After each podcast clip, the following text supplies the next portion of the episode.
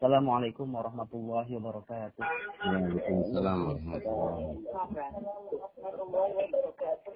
Baik, teman-teman sekalian yang dirahmati Allah, mari kita awali ngaji kita, majlis kita pagi hari ini dengan sama-sama kita membaca umur kitab Al-Fatihah. A'udzu billahi minasyaitonir rajim. Bismillahirrahmanirrahim. Alhamdulillahi rabbil alamin. Arrahmanir rahim. Maliki yaumiddin. إياك نعبد وإياك نستعين اهدنا الصراط المستقيم. صراط الذين أنعمت عليهم غير المغضوب عليهم ولا الضالين. آمين. الحمد لله الحمد لله الذي أنزل السكينة في قلوب المؤمنين ليزدادوا إيمانا مع إيمانهم أشهد أن لا إله إلا الله وأشهد أن محمدا عبده ورسوله لا نبي بعده اللهم صل على سيدنا محمد وعلى آل سيدنا محمد كما صليت على سيدنا إبراهيم وعلى آل سيدنا إبراهيم وبارك على سيدنا محمد وعلى آل سيدنا محمد كما باركت على سيدنا إبراهيم وعلى آل سيدنا إبراهيم في العالمين إنك حميد مجيد Alhamdulillah, iwafilah sekalian yang dirahmati Allah. Pagi hari ini kita kembali ngaji eh ngaji sirah ngaji sejarah ngaji pelajaran tentang kisah-kisah ya pekan lalu kita sudah sempat belajar memulai untuk melihat belajar pada kisah tertua yang ada di dalam di bumi ini ya yang dikisahkan dalam Al-Qur'an. Sekarang kita siap insya Allah kita siap memulai episode demi episodenya insya Allah ya. Insya Allah mari kita lihat ya dalam kisah ini kita seolah-olah sedang bercermin ya. Kita melihat, ya, kita belajar dari kisah dua putra Adam ya. Di sini insya Allah kita kita bercermin ya, melihat melihat bagaimana tingkat iri yang ada dalam hati, dalam diri kita ini seberapa. Ya. Mau melihat tingkat sombong dalam diri kita seperti apa. Dan kita belajar dari sini ya. Bagaimana bahayanya dari sifat-sifat itu. Dan kita akan memulai kisahnya insya Allah. Dari mana kisahnya? Karena lalu kita bahas bahwa ada beberapa episode yang akan kita bahas ya. Ada episode tentang kurban, episode konflik, pembunuhan, burung gagak, pemakaman, dan penyesalan. Dari mana kita kisahnya? Uh, dari episode kurban, oh ternyata kita tarik dulu ke belakang. Kita belum masuk kepada episode itu. Kita akan memulai bukan dari episode kurban. Kenapa? Karena kisah ini punya akar sejarah, ya. punya kausalitas, punya akar sejarah, ya kan? Dia enggak independen, enggak enggak berdiri sendiri, ya, ya tidak. Tapi dia punya akar, uh, ada akar sejarahnya.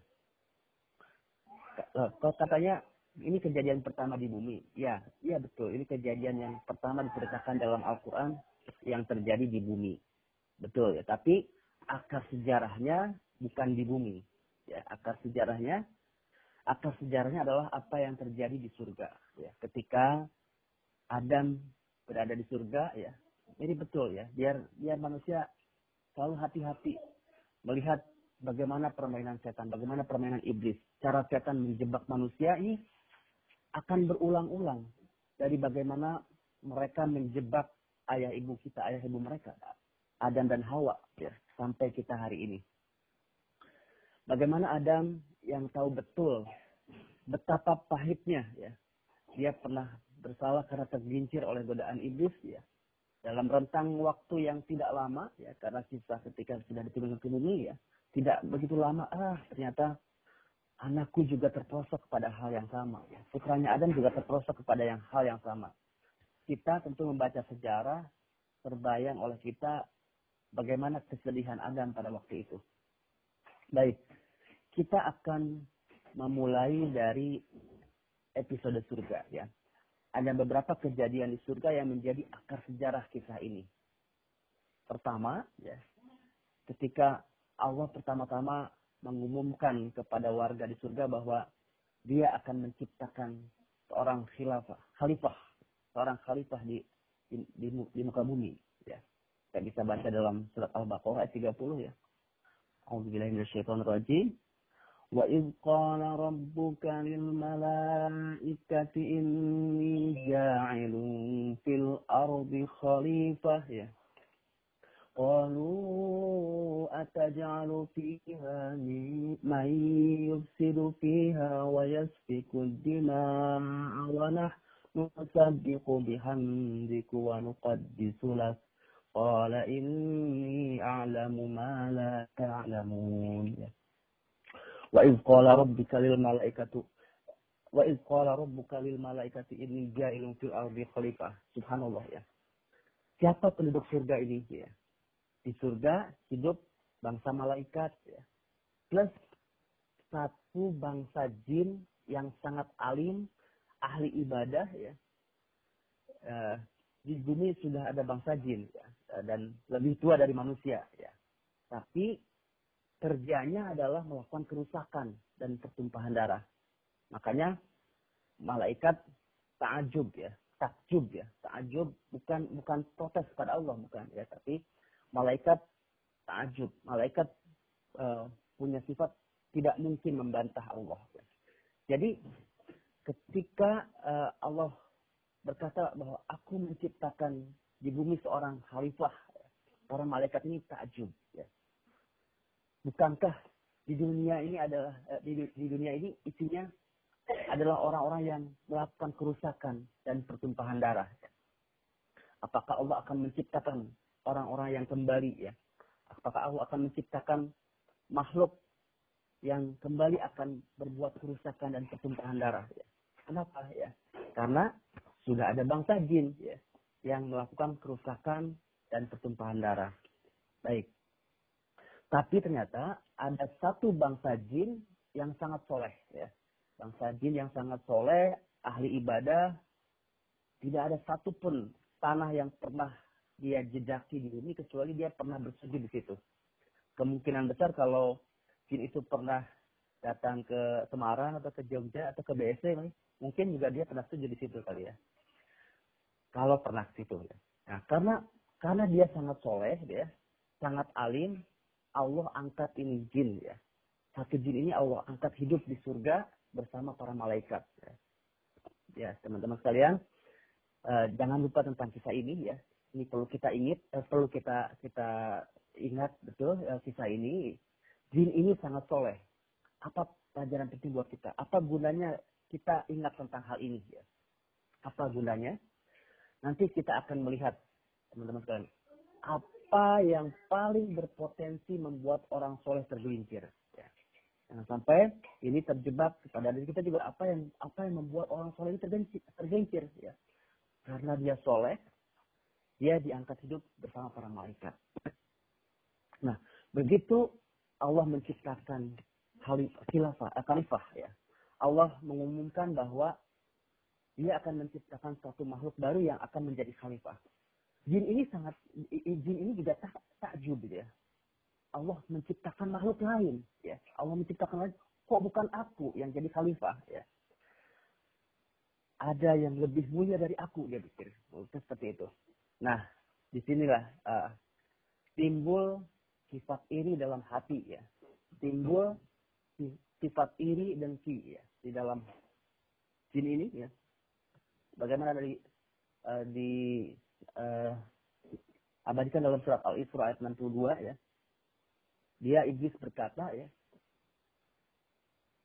Qala araita hadza hadza alladhi karramta ya.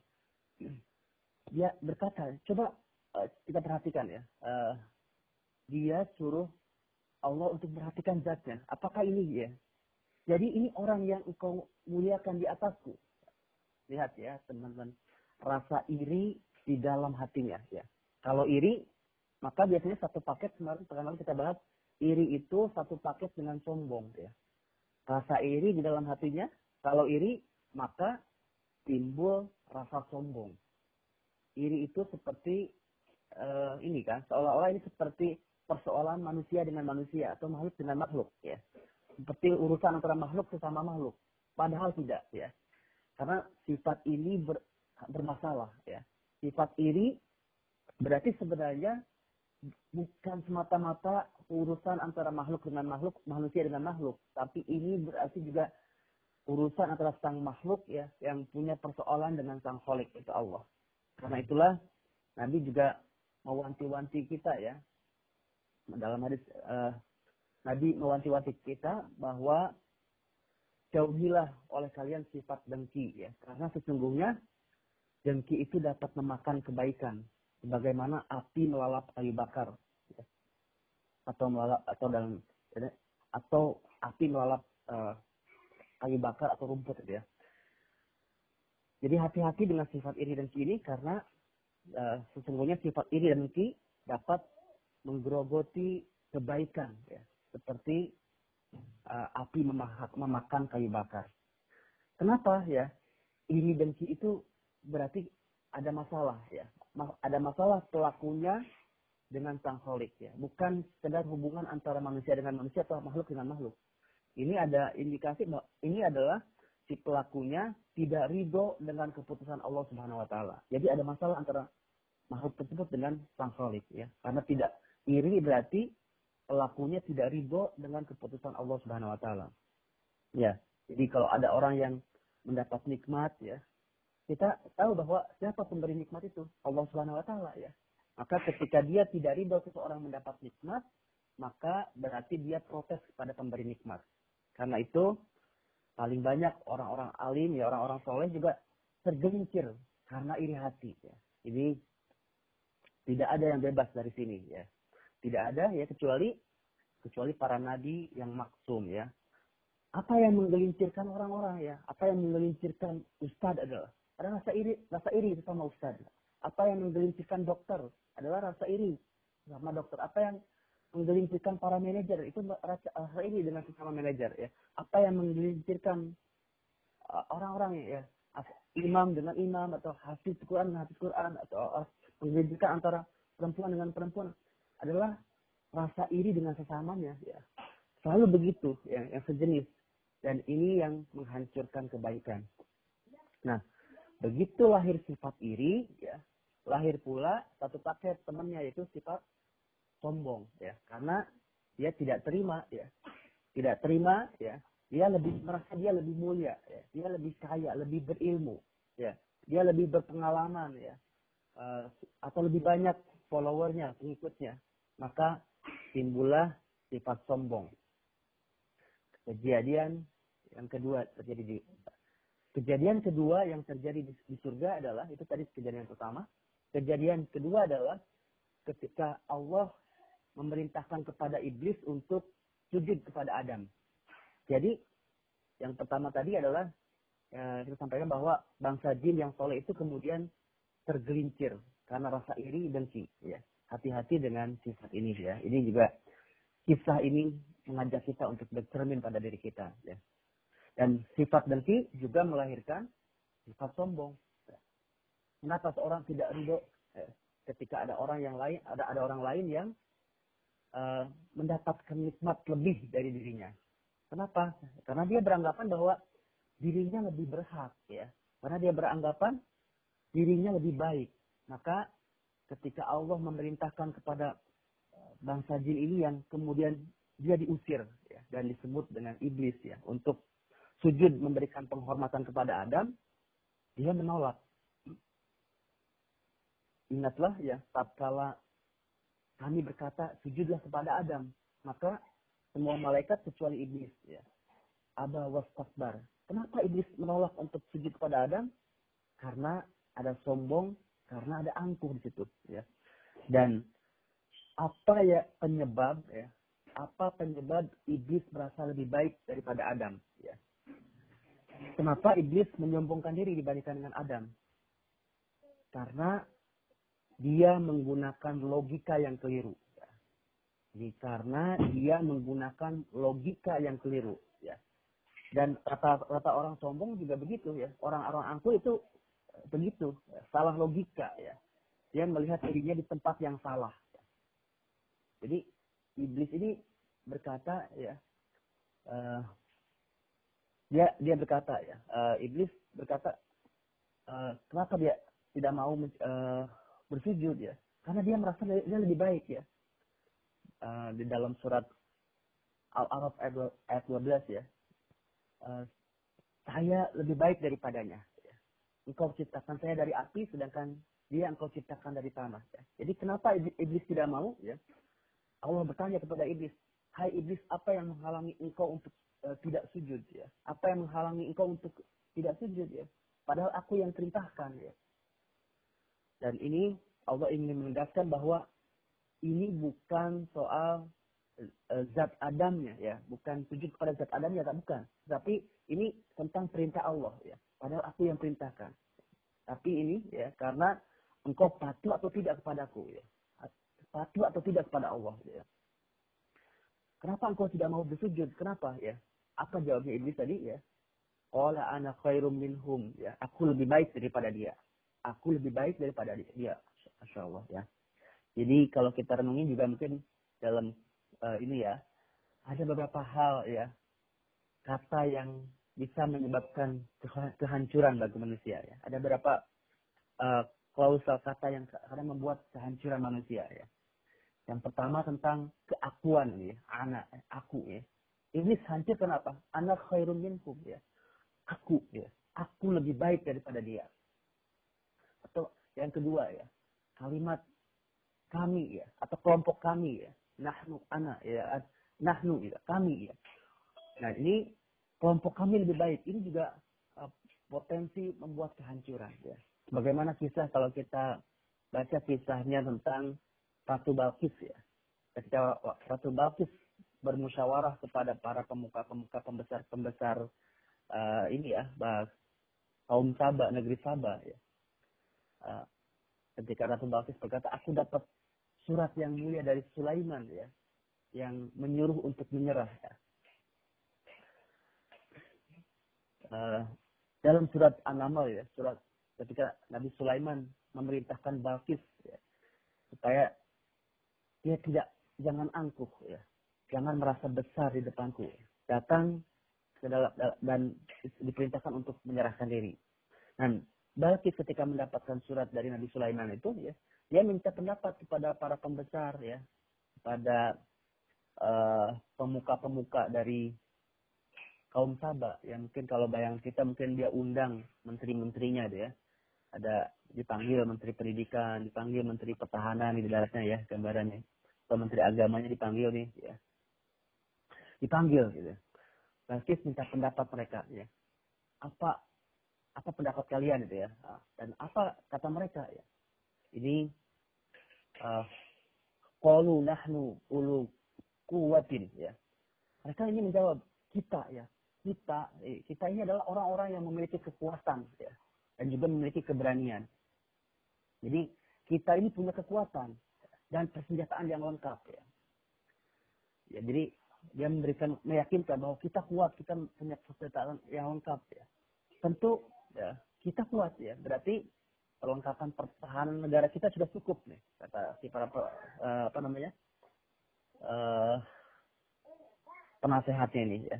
Nah, kalau sekiranya Ratu Bakis ini mengikuti kalimat kita, kesukuannya ini, ya, nahnunya ini, ya, para pembesar-pembesar sahabat itu, ya, maka kalau dia mengikuti bahwa, oh kita kuat, kita lawan, maka hancur mereka, ya. Hancur Nabi, uh, negeri sahabat ini oleh uh, Nabi Sulaiman, ya. Tapi untungnya Balkis lebih, uh, lebih bijaksana. Ya. Atau yang ketiga, ya, kalimat yang bisa saja bisa berpotensi menggelincirkan kita, ya. Tentang pengakuan tentang segala sesuatu yang apa ada ada dalam diriku ya apa yang ada di sisiku ya kata indi ya. apa yang ada padaku ya seperti halnya korun ini korun korun ketika diminta zakat diminta harta yang uh, dia sisihkan ya. uh, sebagai uh, bagian dari uh, kewajibannya ya tapi dia menolak ya dia mengatakan dengan kalimat qala innama utitu ala ilmin indi ya. Sesungguhnya aku hanya diberi harta itu karena ilmu yang ada padaku ya. Jadi keakuan lagi ya kata kata Korun ya. Aku kan memperoleh ini karena ilmu yang ada padaku. Ya, ternyata inilah yang menjadi ya, kehancurannya Korun ya. Dan ini yang berpotensi eh, menjadi eh, menghancurkan manusia. Karena keakuan, aku merasa diriku lebih baik gitu ya. Kemudian juga karena merasa ilmuku lebih, karena apa yang ada pada diriku ya. Dan yang keempat adalah uh, kepunyaanku ya. Seperti halnya Fir'aun ya. Fir'aun uh, diabadikan dalam surat Az-Zukhruf ayat 51 ya. Dia uh, mengatakan uh, qala ya qaum qaumil laisa li mulkun misri ya. Bukankah aku yang memiliki kerajaan Mesir ya. Dan itu hancur ya. Anak khairum min uh, minni uh, aku lebih baik daripada dia itu kata iblis ya. Dan Fir'aun juga mengatakan seperti itu ya. Uh, mengatakan ini hai kaumku bukankah kerajaan Mesir ini kepunyaanku ya. Jadi keegoan itulah yang kemudian membuat kehancuran ya. Aku lebih baik daripada dia, kata iblis. Ngapain aku tunduk, ngapain aku sujud kepadanya. Ya. Nah, sekarang kalau kita perhatikan dari diri kita ini ya, tentu kita bercermin seberapa tingkat kesombongan kita, berapa tingkat keangkuhan kita ini ya. Seberapa kita melihat orang di sekeliling kita ya. Kita lihat dengan apakah kita masih ada pandangan melihat dengan pandangan mengecilkan ya bahwa ah aku lebih baik daripada dia, aku lebih sukses daripada dia ya. Nah, ini cermin ya kalau kita perhatikan dan coba kita perhatikan ini kisah untuk kita bercermin ya. Keberanian kita untuk bercermin akan bergantung ya keberhasilan dari kisah ini atau jadi keberhasilan kisah ini tergantung pada keberanian kita untuk bercermin pada diri kita. Ya kita melihat model dari kita ini ya. Kita melihat kadar-kadar kedengkian ya, kesombongan dalam diri kita ya. Alhamdulillah ya. Kenapa iblis merasa lebih baik ya? Khalaq tani minar wa khalaq tahu mintin ya. Engkau menciptakan aku dari api, sementara dia dari lumpur, dari tanah ya. Ini yang tadi saya bilang salah logika ya, salah logika. Iblis merasa dia lebih baik daripada Adam. Karena dia merasa berkilau, terang ya. Padahal bukan itu. Bukan yang paling berkilau yang mulia. Bukan. Tapi yang memiliki dampak yang ditimbulkan lebih baik ya.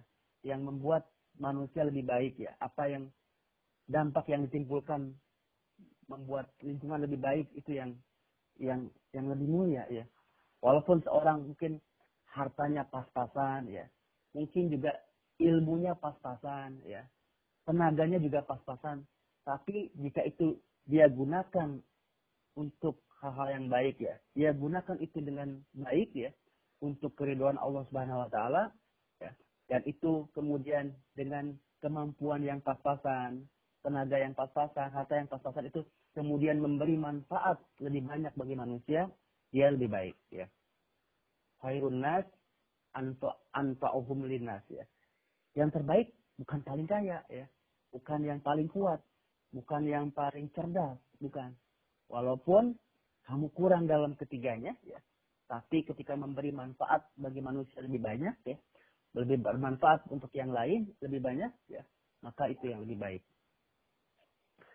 Api, ya, ini kan logika yang salah tadi. Api memang berkilau, ya, melihatnya wah gitu ya, wah indah sekali nih. Tetapi tanah, tanah itu memberikan manfaat banyak. Dia bisa menumbuhkan, mengembangkan, ya, menyejukkan. Tetapi kan kalau logika di logika yang dibalik itu ya, api malah menghancurkan, ya, membakar dan membinasakan. Ini logika orang sombong, ya. Salah dalam menilai, ya. Standarnya beda dengan standar orang lain, ya. Dia melihat manusia kecil karena dia mungkin berada, berada di atas, ya. Dan dia nggak nyadar, ya. Yang di bawah juga melihat kecil karena dia jauh juga di atas, gitu ya. Tapi dia merasa lebih besar. Nah, orang sombong biasanya karena salah dalam memandang dirinya. Ya. Ada orang sombong karena mungkin ini misalnya orang sombong karena dia naik kendaraan yang mahal ya, harganya di atas satu miliar misalkan. Kenapa dia sombong? Karena karena dia melihat dirinya harusnya lebih lebih kecil dari itu ya. Misalkan dia, dia jadi merasa sombong, itu yang membuat manusia sombong kan ya. Jadi ketika dia naik kendaraan harga satu miliar misalnya, dalam dirinya dia juga tak takjub ya takjub dengan dirinya sendiri ya harusnya dia bisa cuma bisa beli harga yang harganya 100 atau 200 juta atau 300 juta ya tiba-tiba dia di atas kendaraan yang harganya mahal, harga satu miliar. Dia sombong jadinya. Tapi kalau dia melihat dirinya ini lebih tinggi ya, dia memposisikan dirinya lebih me, apa, membuat uh, pemahaman dirinya lebih tinggi ya, memposisikan dirinya lebih tinggi ya. Harusnya kalau saya ini sudah bisa naik kendaraan yang harga 4 miliar. Ya. Maka ketika dia naik harga 1 miliar, dia nggak akan sombong. Ya. Atau logikanya orang yang mungkin memandang dirinya hanya pantas menjadi seorang camat misalkan ya. Terus waktu jadi bupati kan, dia kan sombong kan. Karena tidak mengira dia bisa sampai segitu ya. Nah, dia memandang dirinya lebih rendah daripada itu sebenarnya ya. dalam dalam uh, mindsetnya dia. Tapi kalau seorang ini menyadari kapasitas atau kemampuannya bahwa sebenarnya dia ini kelasnya kelas gubernur gitu ya. Tapi ternyata cuma jadi bupati ya. Nggak, nggak, nggak mau dia sombong ya. Harusnya seperti itu. Nah, jadi kita ini uh, jangan lebih mulia. Ini kita ini khalifah ya. Pada saat kita uh, tidak menggunakan, tidak bisa menunaikan itu dengan baik ya, nggak ada yang bisa kita sombongkan di, di dari manusia ini ya dan tidak ada kesempurnaan ya di situ. Nah inilah ini kejadian kedua ya, kejadian kedua di surga ya, uh, deklarasi dari Allah bahwa Allah menciptakan manusia sebagai khalifah di bumi dan itu yang menimbulkan iri dari iblis ya, dengki dari iblis, kemudian perintah sujud menimbulkan sifat sombong ya. Jadi kejadiannya adalah uh, Allah menciptakan manusia sebagai khalifah itu menimbulkan rasa iri bagi iblis dan perintah sujud menimbulkan sifat sombong. Jadi kejadian ketiga, ya, nah kejadian ketiga di surga adalah ketika iblis menggoda Adam untuk memakan buah kuldi ya. Dalam surat Toha ayat 120 ya. Uh, kamu mau nggak aku tunjukkan? Ini bujuk rayu kan. Kamu mau nggak aku tunjukkan? Ada sebuah keabadian ya ada ada buah keabadian ya buah khuldi ya kalau kamu mau makan ya kalau kamu makan kamu abadi di sini. Subhanallah ya. Setan ini memainkan sifat serakah. Setan memainkan sifat serakah yang ada dalam diri manusia ya. Kan sebenarnya apakah di surga tidak ada buah-buahan lain? Pasti banyak kan? Mungkin ratusan mungkin ribuan mungkin jutaan yang enggak kita bisa bayangkan ya. Tapi sifat serakah, bagaimana sifat ini menjatuhkan manusia. Begitu manusia melihat hal-hal yang di luar kekuasaannya, ya, hal-hal yang di luar jangkauannya, ya, di luar dirinya, di luar genggaman tangannya, itu, ya, itu dipandang lebih baik daripada apa yang ada dalam dirinya. Ya. Di situlah, di situ manusia akan celaka karena sifat serakah ini. Ya. Dan setan memainkan uh, sifat ini. ya. Jadi serakah apa itu serakah? Serakah adalah memandang hal-hal yang di luar dirinya itu lebih baik ya. Kurang, kurang sudah. Padahal sudah punya ya.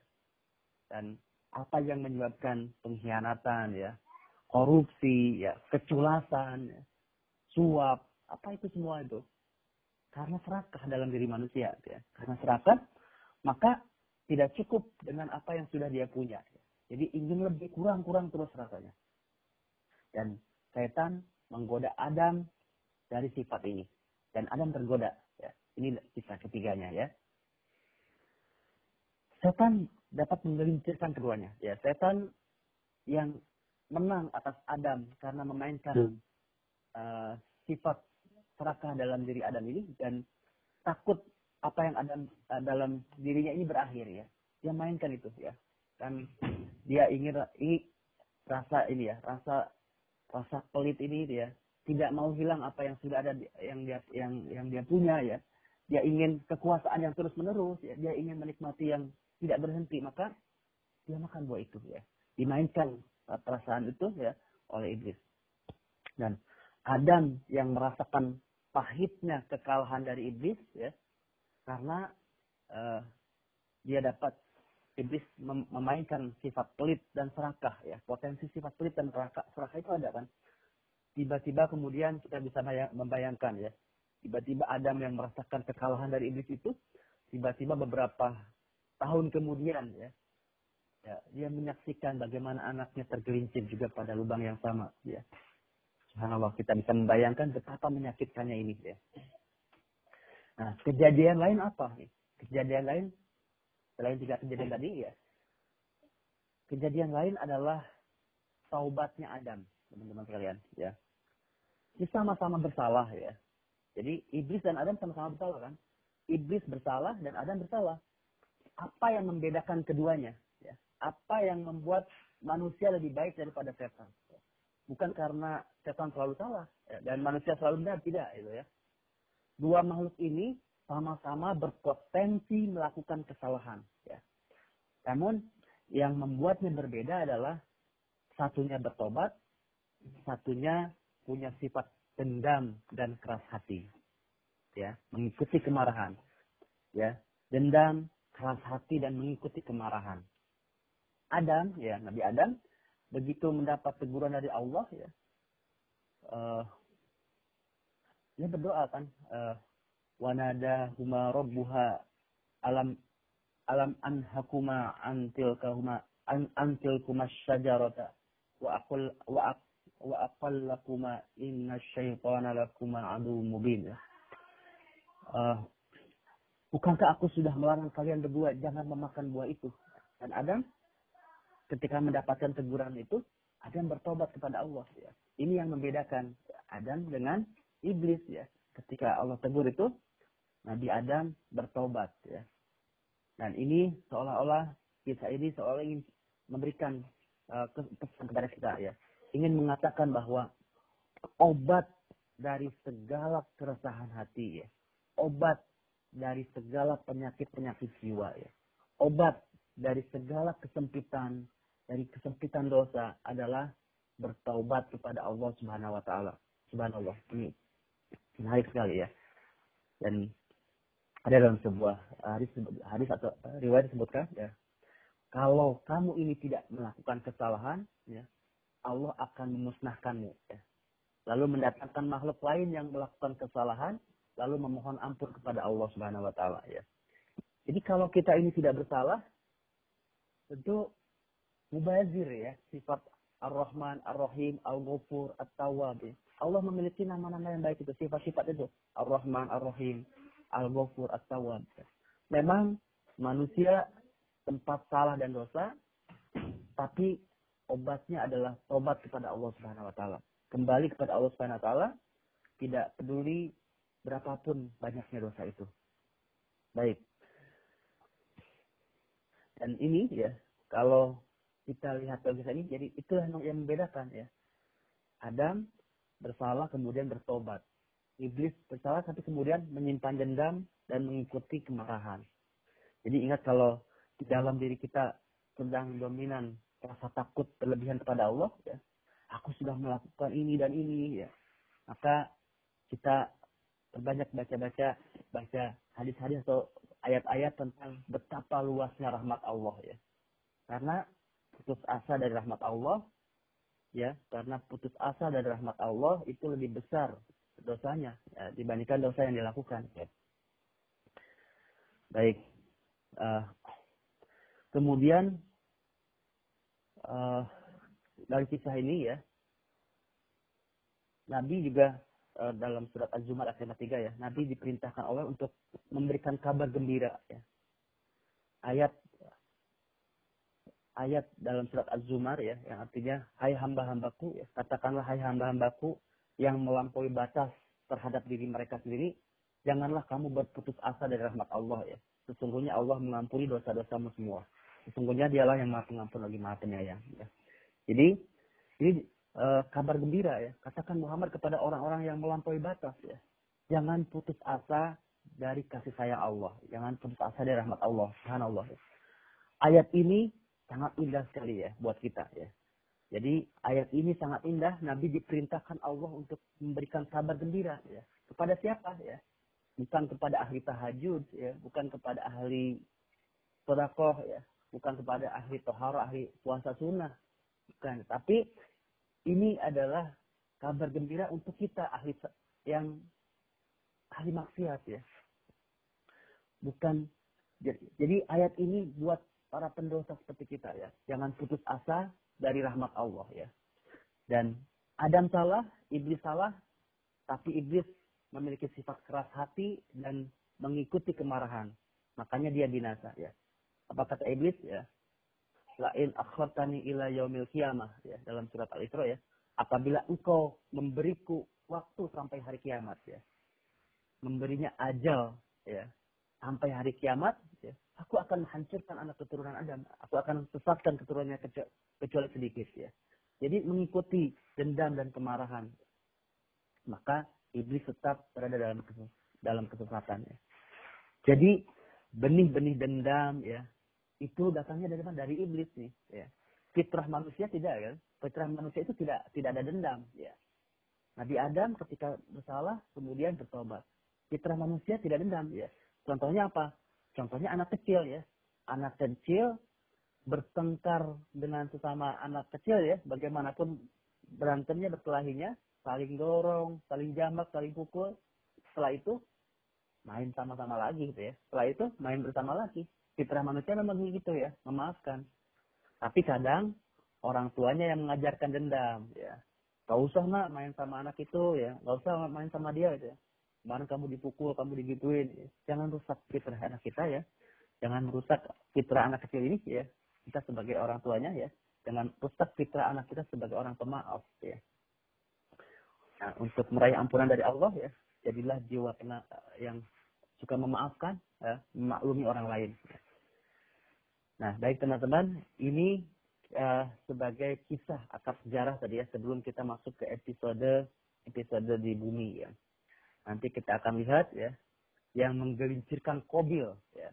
Walaupun sudah dinasehati oleh saudaranya Habil, namun karena memiliki sifat keras hati dan mengikuti kemarahan, dan inilah akar sejarah kejadian di bumi ya. Bagaimana episode-episode antara Kobil dan, eh, dan Kobil di bumi, insya Allah kita akan bahas pada pertemuan berikutnya.